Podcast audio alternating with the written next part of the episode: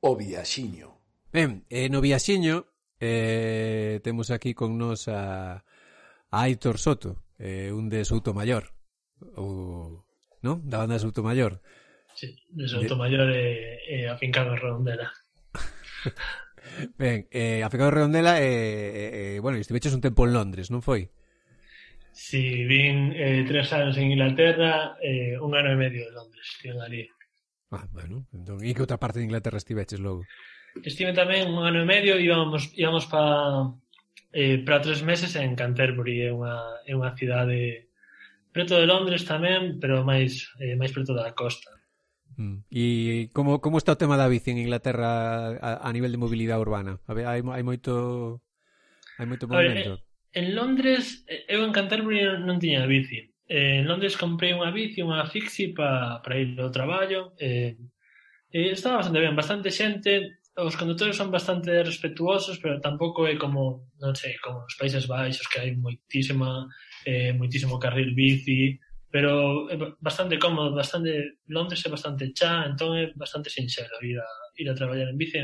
Moita xente polo tema de non coller o metro, ahora, despois de, Despois de coronavirus, moitísima xente tirouse a bici porque non, moitísima xente non quería coller o metro.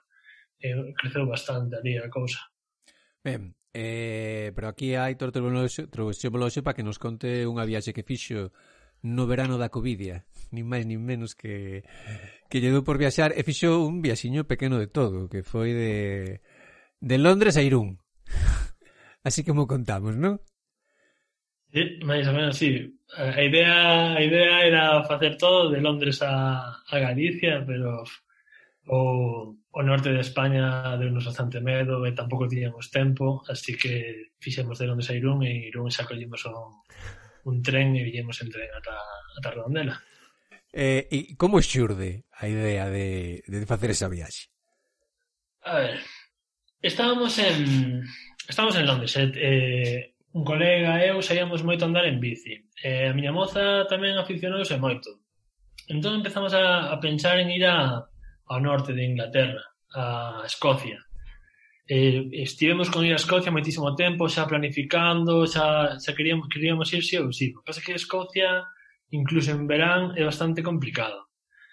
Despois outro rapaz eh, quixose volver, xa a súa aventura en Inglaterra finalizou e quería volver en bici. E despois con, con todo isto do coronavirus, nos dixemos tamén podíamos ir a pasar unha época a Galicia, eh, pasar un pouco isto, porque estar en Londres agora sen poder facer as cosas de Londres, entón decidimos facer a ruta en, en, en bici. Primeiro queríamos eso, tirar toda, facer toda a viaxe, todo o camiño ata casa, pero despois dixemos, bueno, igual en 15 días, 20 días vamos a ter que facer solamente Inglaterra Francia. eh, e xa non volvestes a Inglaterra, é dicir, esa foi a viaxe de volta a casa, en bici, bici e tren. Sí, foi, foi a mudanza, sí. Bici, ferry, para cruzar o canal, e eh, tren, sí. Bueno, eh, aforrastes eu, cartos na mudanza logo. Non, penso que non, porque a verdad un, un, un avión costa 50 60 euros e, e nos compramos bastante equipamento, e todo que facer turismo e tal, así que aforrar non aforramos moito, vale. pero a aventura merece a pena. Si, sí, home, máis eh, no avión estás ali encerrado nunha jaula como unha jaliña, e por polo menos no viaxe vistes un montón de cousas. Eh, teño unha duda, pero é unha duda cultural. Eh, sempre sempre se fala que en Europa son moito máis civilizados daqui que aquí. Hasta que punto é verdade eso? A xente ali levaba a mascarilla máis, menos, levaba o mismo que aquí, pasaban de todo por onde fostedes pasando, como era a cousa? o tema, o tema respeto polos demais, o tema poñer mascarilla para non manchar aos outros. A ver, en, en Inglaterra non era obrigatorio levar a mascarilla. Era obrigatorio levar a mascarilla cando entrabas nun local, por exemplo, nun supermercado.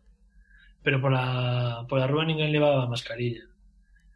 En Francia, uf, en Francia eh, era normal, era a vida era normal, apenas apenas sentías que o tema da, o tema da mascarilla, non? O sea, que nin siquiera sentías que un sacabalo, un sacabalo de outros, é así, non? Ali pasando de todo. E non tampouco, eh, nós tampouco sabíamos que era obligatorio en España. Eh, cando chegamos a Irún, sabes, empezamos, chegamos coas bicis, eh, empezamos a notar que a xente nos miraba, nos miraba, sabes, penso que penso que é obligatorio levar a mascarilla, sabes, que a mascarilla. Claro, era eso o que levaba a petrina aberta, unha das dúas cousas. Pero non, ali non era, non era obligatorio. Eh, en, en un camping, un par de campings que paramos en Francia, a verdade nos flipábamos, porque é normal, rapaces por aí, eh, xente na piscina, non, prácticamente non. Abrazos, é eh, así. Mm. Tamén, non, non sei se a vos eh, se vos a noticia, pero eh, hubo un momento que eh, Inglaterra deixou de permitir eh, a entrada de xente de España e de Francia e Inglaterra que tiñen que facer cuarentena. Eh, todo, eu penso que todo iso era porque en Francia nas zonas turísticas estaba sendo un desmadre. Eh, claro. pues, nos, nas zonas turísticas por las que pasamos, eh, fomos a, ao Monte San Michel, que un monte, bueno, é un monte que está así no medio nunha illa que solamente podes acceder cando vais a marea e aquilo era un desmadre, pero un festival non era nada en comparación coa de xente que había nesa, nesa vila. Unha vila moi pequeniña, sabes, está cheísima claro, de xente. Claro. Pois pues está moi ben, porque isto non justifica o noso comportamento, pero si alivia un pouco ver que non somos os máis animales do mundo, sino que o ser humano é así parvo en general, que non somos nós eh, especialmente descuidados. No, eh, eu non sei como está a cousa agora, pero en, en Inglaterra, pero naquel momento sí que era así, era de a mascarilla solamente para, eh, para acceder aos sitios. Pola, pola rúa non había ningún, ningún tipo de restricción. E, por encima, ali a xente, ali a policía non multa tanto, non é tan non está tan arriba da poboación como aquí, entón a xente basicamente pasaba moito. Ben, eh, eh, falamos da, da logística da, da viaxe, porque xa comentaches un pouco que tivestes que facer desembolso eh, era unha viaxe de mudanza contanos que equipamento trouxeches para aquí? A ver, na bici eu montei dúas alforxas dianteiras pequenas de 20 litros, o sea que hai de 30 litros, pero as miñas eran, as miñas eran do Decathlon, o sea, o máis barato que podía haber. Eu levo unha bici ríxida, xa paramos antes, eh, e ten para, para montarllas o portal forxas eh, tivemos que poñer que a mí me prestaron un portal forxas especial que ten unhas abrazadeiras non é exactamente o que, o que a xente normalmente leva, que leva algo unido directamente a, a vicio. O meu era un pouco básico, así. E, eh, e despois, aparte das dúas alforxas, levaba un, unha, unha alforxa de, de sillín, unha alforxa destas de bypacking, saddle bags, penso que chan en inglés. Mm. E, e pouco máis, unha cadeira de, de camping, é unha, é unha bolsa para meter a bici para meterla no tren e cando chegásemos a Irún. Eh, Cantos kilos levabas encima? Lote pois, estive falando isto co, co meu colega eh, eh, sobre 30 kilos, máis ou menos eh, pensamos que levábamos. E non eran. E, e íamos básicos, eh, porque pensa que moita xente leva 4 alforxas. O sea, na alforxa de sillín aí solamente podes meter un par de kilos Outro rapaz, o que viña comigo, que ten unha bici doble, ese sí que levaba 4 alforxas O que pasa que eran alforxas máis pequenas. E a súa bici pesaba máis, e E a miña moza ia con dúas alforzas pois solamente traseiras. A menos, ao final non son tantas cousas, claro, tamén é o que dis ti. Eh, horas, cantas horas ao día en bicicleta? Xa non vos dixo velocidades, nin kilómetros, nin nada, dixo horas. Horas de bicicleta ao día que facíades? Pois, eh, unha media de unhas 7 ou 8 horas de vídeo. Sí, pues, esa non, xa non te preguntamos nada porque eso son horas, horas, horas que faz, porque levando esa carga, levando, eh, facendo ese tipo de viaxe, é ridículo preguntar en medias e eh, historias desas, simplemente as horas ao día que facides sete seguidas ou parabades eh, moito ou pouco parábamos bastante, era, facíamos paradas bastante bastante interesantes para comer para... Pero, sí. Eh, de media de kilómetros máis ou menos faríamos uns 100 kilómetros ao día, non o Correcto. máximo que fixemos foi 150, o último día pois xa íbamos apuradísimos, eh, 120, Sí, o... Moitísimas veces quedámonos por debaixo dos 100 km eh, 98, 97 No, 18, 18 das horas porque ao final os kilómetros dependen máis da orografía e das condicións eh, externas que do, do que, que do que fagas ti propiamente. Non vai ben eh, as horas que botas porque ao final é eso eh, de, o que dixi, o norte de España, por exemplo, hai no que roer ben roído, e imagínate, sete horas ali, igual non che dan paos, pa o que dixi, non che dan pos 85 km, igual. Ese era o problema que tivemos, por eso, por eso non queríamos facer, porque poñías en Kumut ou canto é un lado a outro, era impresionante. Os kilómetros que fixemos nós en Francia, en, eh, en o norte de España tardaríamos moitísimo máis tempo, facer mm. Casi o doble, quizás 30 días ou cosa, cousas así. Po, polo en comute, ponche, para que queres saber eso? Jajas. Eh, eh, eh, tes sí. algunha etapa especialmente dura que, que lembres? Es de mi madre ese día Non sei pola Tiven... orografía, clima ou... Si sí, tivemos un par de días de vento, tivemos moitísimo vento, moitísimo vento en contra. Eu penso que debe haber un, un vento predominante de que ven do sur, eh, claro, batíanos de frente. E tivemos un par de días de non avanzar, pero non avanzar absolutamente nada, costa abaixo pedaleando, porque non baixamos, eh, e aparte que toleas, eh, o, o, o son do vento, sabes, en plan... E dámonos... eso, eso foron así días que foron bastante que foron bastante duros. Eh? En canto ás subidas, eh, era bastante chao. Ao principio tiña máis subidas e baixadas, pero tamén facía que avanzaras máis rápido. Despois era a partir da mitad, a partir da Rochelle, xa foi moi, moi chá, eh, moi chá en rectas de 5 kilómetros, pequenos xiros e eh, outra reta de 5 km era todo sí, tempo no, así.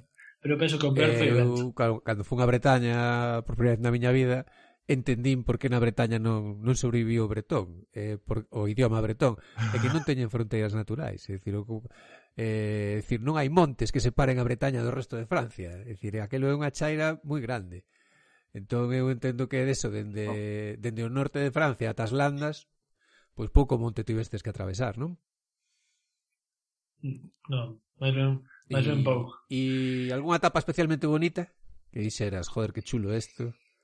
Claro, o que che gustara é eh, quedarte un pouco máis ali. Dixo, joder, menos, si, si pudera botar aquí tres días máis, por dicirlo.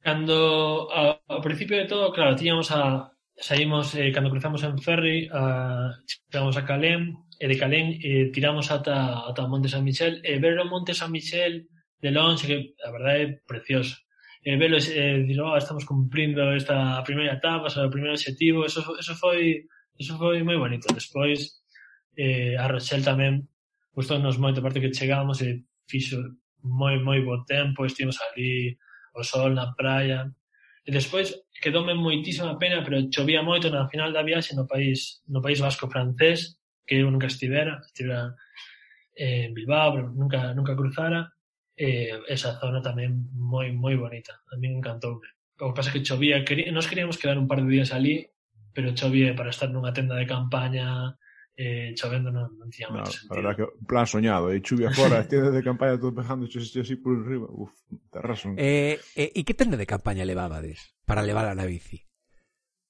Unha lixeira. Sí, sí, sí, sí, sí, sí, o, a principal característica era que era lixeira. Eh, un plástico cun dos paus, porque...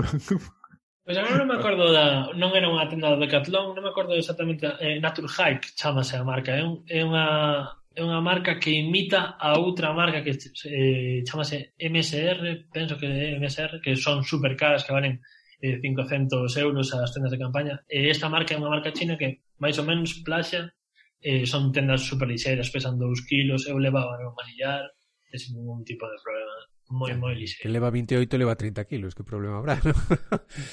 Ah, hai, no, hai, hai che diferencias, son 30 kilos e máis o vento en contra de 22 por hora fai as matemáticas, é má, mm, costache, costache moverte, sí, dios.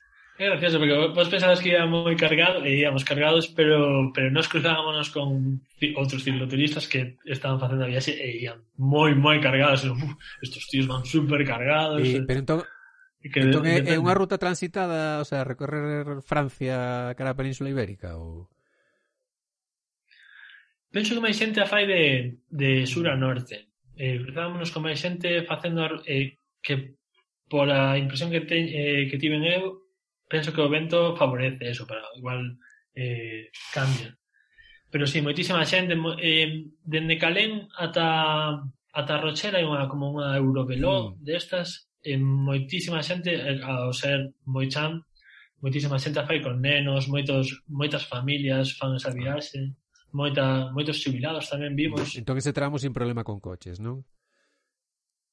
Claro. No, no nós saíamos bastante da, da, da Eurovelo porque er, era moi, eh, son moi bonitas pero tamén que bastante repetitivo ir todo o tempo polo mismo monte xa, todo o tempo seguindo o río entonces de vez en cando saíamos tamén despois para, para acampar saíamos bastante parte comut é bastante bo para esa historia.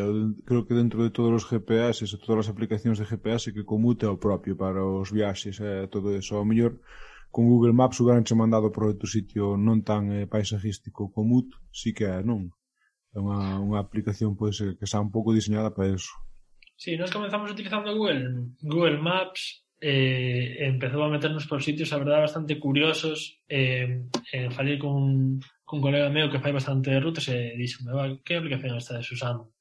Eh, e dixen de Google Maps eh, eh, e, eh, recomendome con Boot, a verdade que con, con Boot foi bastante mellor. A parte que nos prácticamente non planificábamos as rutas, sabíamos de que punto a que punto íamos a ir, en que zona máis ou menos queríamos acampar, eh, porque mirábamos en Google Maps que zonas de monte, pero prácticamente non non planificábamos. E sí que polas, eh, polas Eurovelos íamos tamén bastante máis rápido que por, pola, por, por as outras estradas están feitas, teóricamente están feitas como se foran eso, autovías eh, para a bicicleta, o sea, é a, a máis rápida é a menos, como se di, a, a máis rápida é a menos molesta para ir na bicicleta, quero dicir, a máis eh, co asfalto máis regular e todo eso. ¿no? E agora que falabas do monte, porque claro, e logo preparando a entrevista Aitor contoume, porque eu cando fui a Francia me quedei, Francia é un sitio moi caro para dormir. É dicir, buscar un sitio barato para dormir en Francia é bastante complicado. Eh, contanos a vosa estrategia. Pois a estrategia foi levar tenda de campaña eh, e, dur e dormir no chan. No, no, no, pero sí. te podías pensar, vale, os campings franceses tampouco son baratos. Eu non vai claro, a ser. Ese foi o que fixeron, non? Sí. Íamos a campings, pero de vez en cando, de cada 4 ou 5 días para unha ducha, unha, unha ducha quente. A, sí. a darte o capricho, eh? eh sí, sí, era, era, era como eso. Unha un vez día, fomos dos un días. días. Mas fomos dois, dous días seguidos porque, porque non atopábamos onde acampar.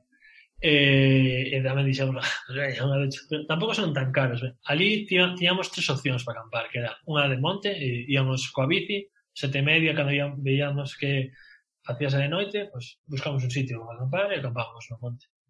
Despois hai, hai outra opción que para as autocaravanas hai unha especie de sitios que en Fran... non sei como se pronuncia, pero chamanse aires eh, que é para acampar eh, para as autocaravanas, e teñen céspede, en teoría, limos que podíamos acampar ali. Éramos os únicos que acampamos ali, o resto eran autocaravanas. Sí. E tes auga, algúns tiñan baño, a... dormimos un par deles que estaban moi, moi chulos na beira do río. E, e outro, un, outro que era chunguísimo, que era mellor non ter acampada ali. E, e sí, despois de vez en cando, a parte da, do, do monte das tendas eh, dos aires íamos a, a, a campings eh, a campar os campings e as campings igual valían 15, 15 euros a noite tampouco é tan caro. Poñer unha tenda de campaña non é tan eh, caro eh, pues, ningún problema con la gendarmería por, por acampar de monte? No, eh, en teoría nos polo que limos a acampada en Francia ou está eh, libre eh, está permitida libre salvaje.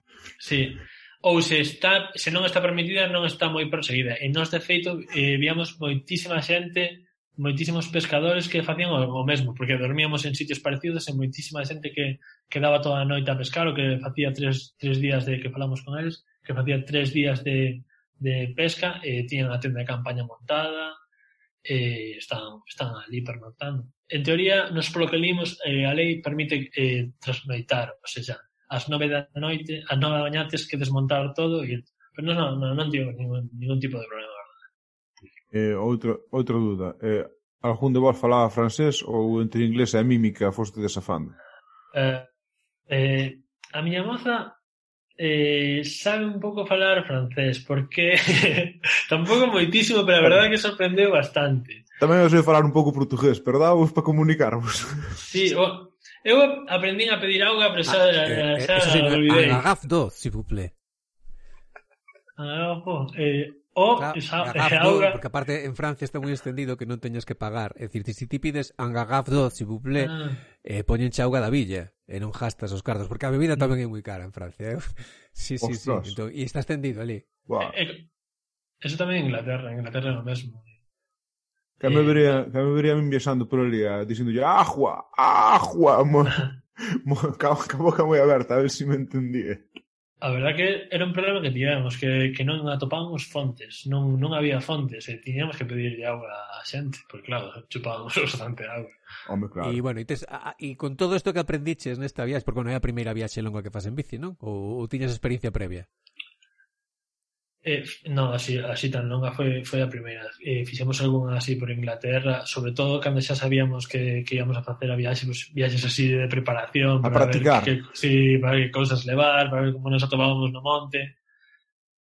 De feito, a idea de levar a cadeira para a cadeira de cambio foi, foi esa, foi de, de, despois de andar 150 km, 100 km non, non me podo sentar nunha pedra, sabes, teño que sentarme nun, nun sitio curioso.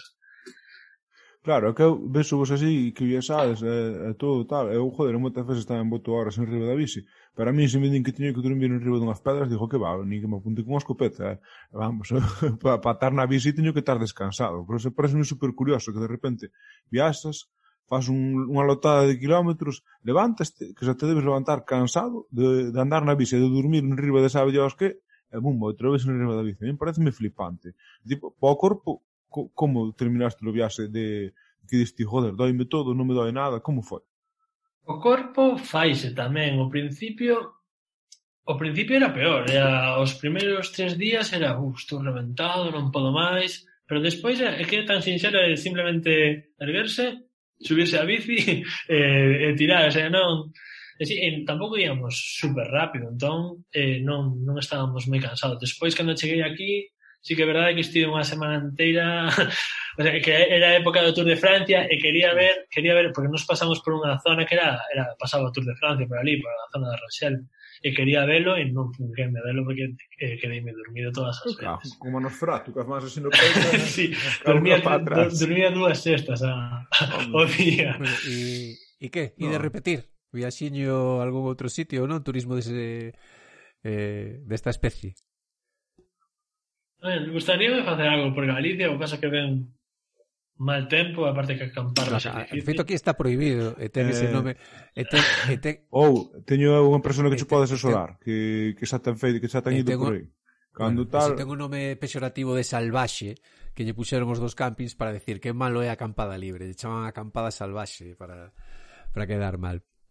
Eh, un pouco, aínda que este permitido, co que xogas cando, cando acampas. Eh, a ver, eu tampouco teño moita experiencia, a experiencia que teño é de, de esta viaxe, pero co que se xoga é con que tampouco queres que ninguén sepa que estás aí, sabes? Eh?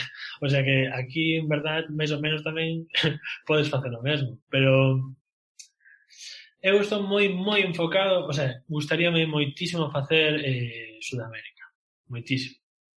É o que máis quero facer.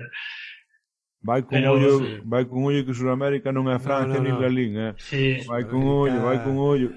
A nivel seguridade Hai na que roer. Eso é, é curioso, pero bueno. A ver, este rapaz sí, é de Redondela, home, ali estes saen curtidos. Bueno, eu son de Rivera, teño respeto de ali, eh. E que e aquí está saindo algo en Galicia para non perdelo para non perder as pernas.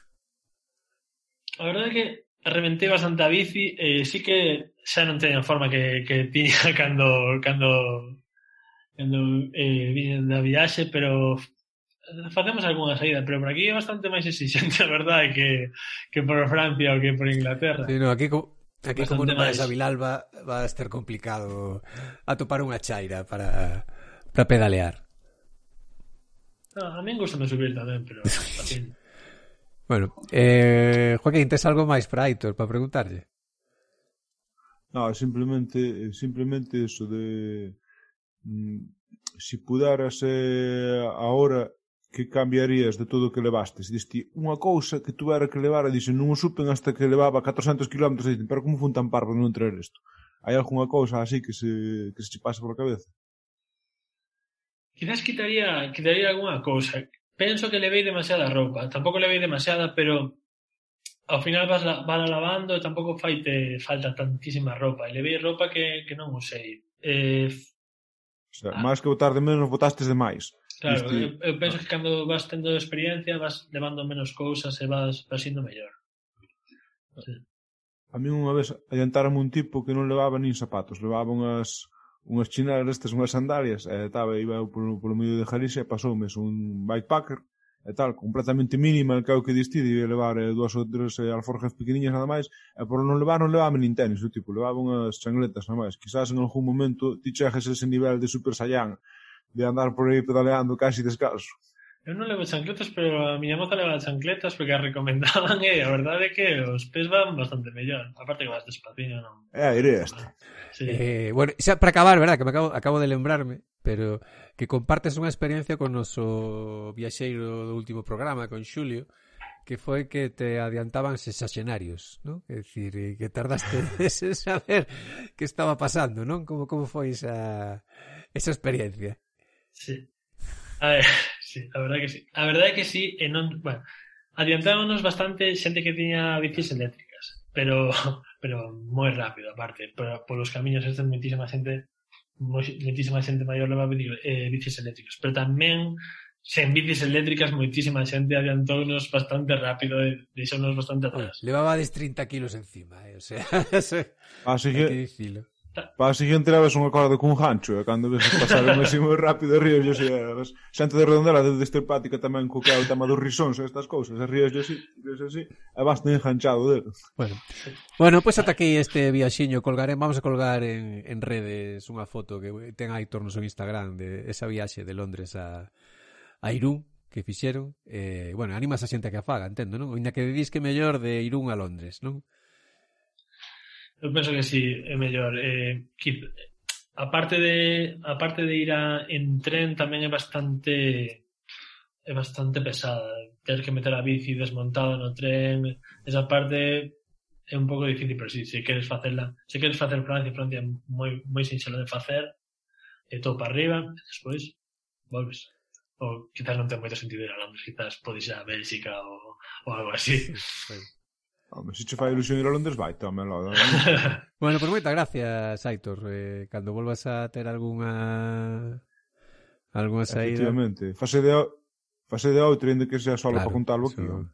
solución. Ah, bueno, eh, nos aquí agradecemos a Vara intentamos pagar a, a, a lata que vos damos con un poquinho de promoción. Xa sei que facedes esta promoción e vou aproveitar para facer outra. aí estamos, quero... aí estamos, emprendendo. Eu quero pedir seguidores en Strava. que, que non teño ninguén, somente me siguen 14 persoas. Eu prometo follow por follow, se alguén me sigue, dar cudos de vez en cando, así que Se alguén quere seguirme, aitor.sot. Nas, notas, nas notas do programa eh, revisádelas, ali están. E vais a encargar, Joaquín, de mandarte seguidores do Strava, non te preocupes. Son, son o escribano, e aparte sí, vou a puñer tamén, oye, seguida Aitor. Tal. O que pasa é que che vai entrar xente bastante hardcore, tes que... Sí, ostra, Joaquín, Joaquín era, era un referente ali, eh? porque eu falaba moitas veces de Joaquín, e eu teño un colega que, que fai bastantes máis kilómetros que anos. A ver, eu fago máis, pero se a mí se me din que teño que dormir en riba dunhas pedras, eu non vou, eh? Digo, vai, te, durme ti en riba das pedras, eu non. Pero non tens por que dormir. Non tens por que dormir, podes dormir en, en hotéis, en hostales... É que o meu piso gustame moito, eu prefiero sí. estar aquí. eu son, uma, son moi sedentario, fago moitos kilómetros para son kilómetros redor de Santiago, é unha cousa non é tan non é tan mundial como o vosso, verdad? Bueno, Aitor, por moitas gracias por contárnoslo Aquí na Batcova, esta é a túa cova para o que queiras. Moitas gracias a vos por facer este programa, que xa sabedes que me encanta. Gracias.